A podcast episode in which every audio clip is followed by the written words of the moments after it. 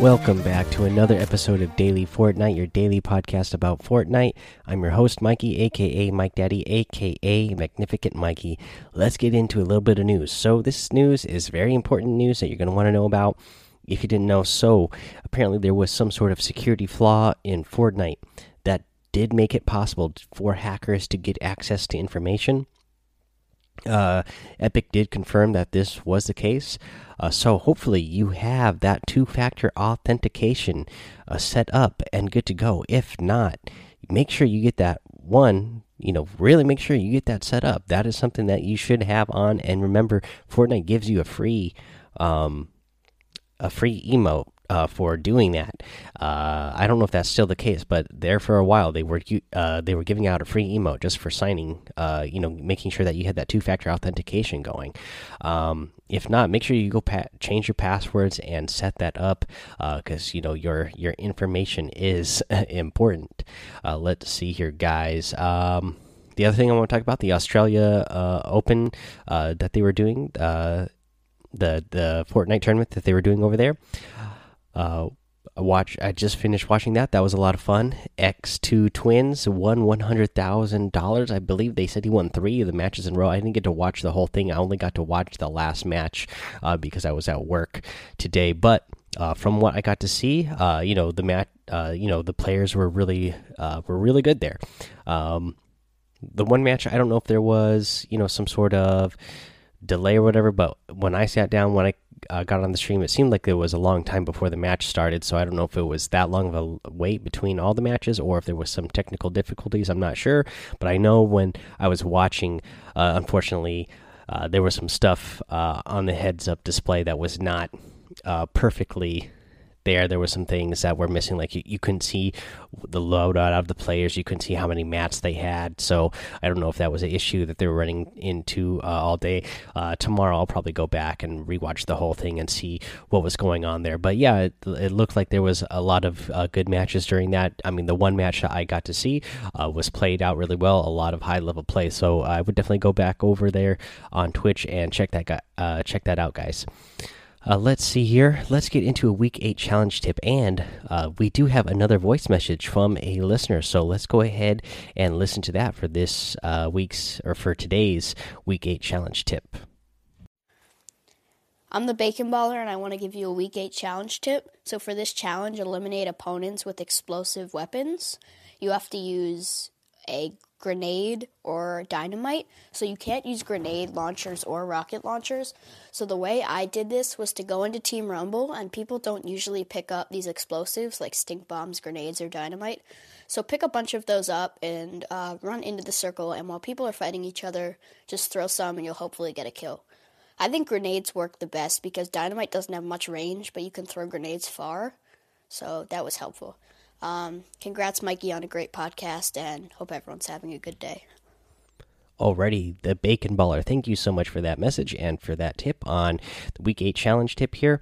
Uh, so, actually, just one correction I do want to make. So, you actually can use an RPG and grenade launcher to get this challenge done. Uh, that's what um, it seems to have worked for me. So, I seems like you actually can get that done. I don't know if it just wasn't popping for you, Bacon Baller, for some reason, but it does seem you can actually use the rocket launcher and grenade launchers to get that done. Um, you know, another thing that you guys can do uh, if you're playing some duos or squads with your friend, you can actually run up to a player uh, who's already downed, and if you throw a grenade on them or a, a dynamite on them and blow them up uh, to finish them off, you will also get credit uh, for uh, getting uh, getting that elimination with that uh, with whatever you just threw down on them. So that's another great way to get this one done. All right, guys, that's today's week eight challenge tip. Let's head over to the item shop today. And in the item shop today, we have a few new items that I am liking. In the featured section, we get the Malcore outfit, uh, malevolent to the core. Oh, yes. This guy is awesome looking. He is, uh, you know, he's got like a little third eye. He's got horns. He is definitely pretty evil looking. That is for sure. He's got like uh, you know some stones and stuff growing out of his skin, spikes growing out. He's he's pretty awesome looking. He, he comes with the Malcore wings. I mean, this is a pretty awesome back bling themselves. These wings are going to look awesome on a lot of different outfits. Uh, this let's see here. Uh, spread your wicked wings is what these these ones say. That's the Malcore wings that comes with the Malcore outfit. Also in the featured section today, a new item that is part of the Eternal Struggle set here is the Evil Eye harvesting tool. Always watching, always. Uh, yeah, pretty awesome looking, creepy looking harvesting tool as well.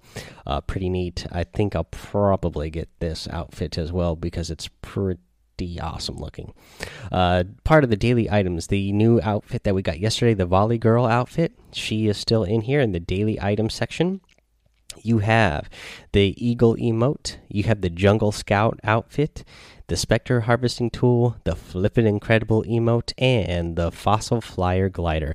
And that's your item shop for today, guys. If you're gonna get any of these items, go ahead and use that creator code Mike Daddy M M M I K E D A D D Y in the item shop, and it will support the show. And I thank you guys for using that. All right, well, now let's get into our tip of the day. And today's tip of the day is to use balloons and silent weapons in combination. You know, if you using balloons and you're floating up high, again you'll be having three balloons on, so you'll just be floating up and then you use say uh, silenced AR or the silent sniper. Especially now that we have the silent sniper, you can be doing some big damage from a big distance. Uh, so that would be really good with balloons. But yeah, you'll be way up in the air, so nobody's going to see you while you're floating up in the air. You know, and uh, if you shoot at them, even if you miss, they're going to have a hard time knowing where you came from because it's a silence weapon. So they're not going to be able to hear which direction you came from. They'll just know, hey, I got shot at. They're probably going to be looking around on the ground. They're going to be looking to see if there's any builds around. If there happens to be trees or rocks around, they're probably going to think, okay, that person's hiding behind the tree or that rock. And they're not going to think to look way up in the sky when you have that silenced AR or a silent sniper. So there you go. That's your tip of the day. That should help you get some eliminations. Should should be especially helpful for you. Again, uh, as we mentioned yesterday with the plane, uh, trying to go in small circles and stay high up above your players. This tip should help you stay high above players and get you some eliminations in the end game in those smaller circles when people are, uh, you know, focused on looking at uh, uh, different builds. Alrighty, guys that is the episode for today. So head over to the Daily Fortnite Discord and join us over there. Head over to Twitch and YouTube and follow me on both of those places. Mike Daddy, of course.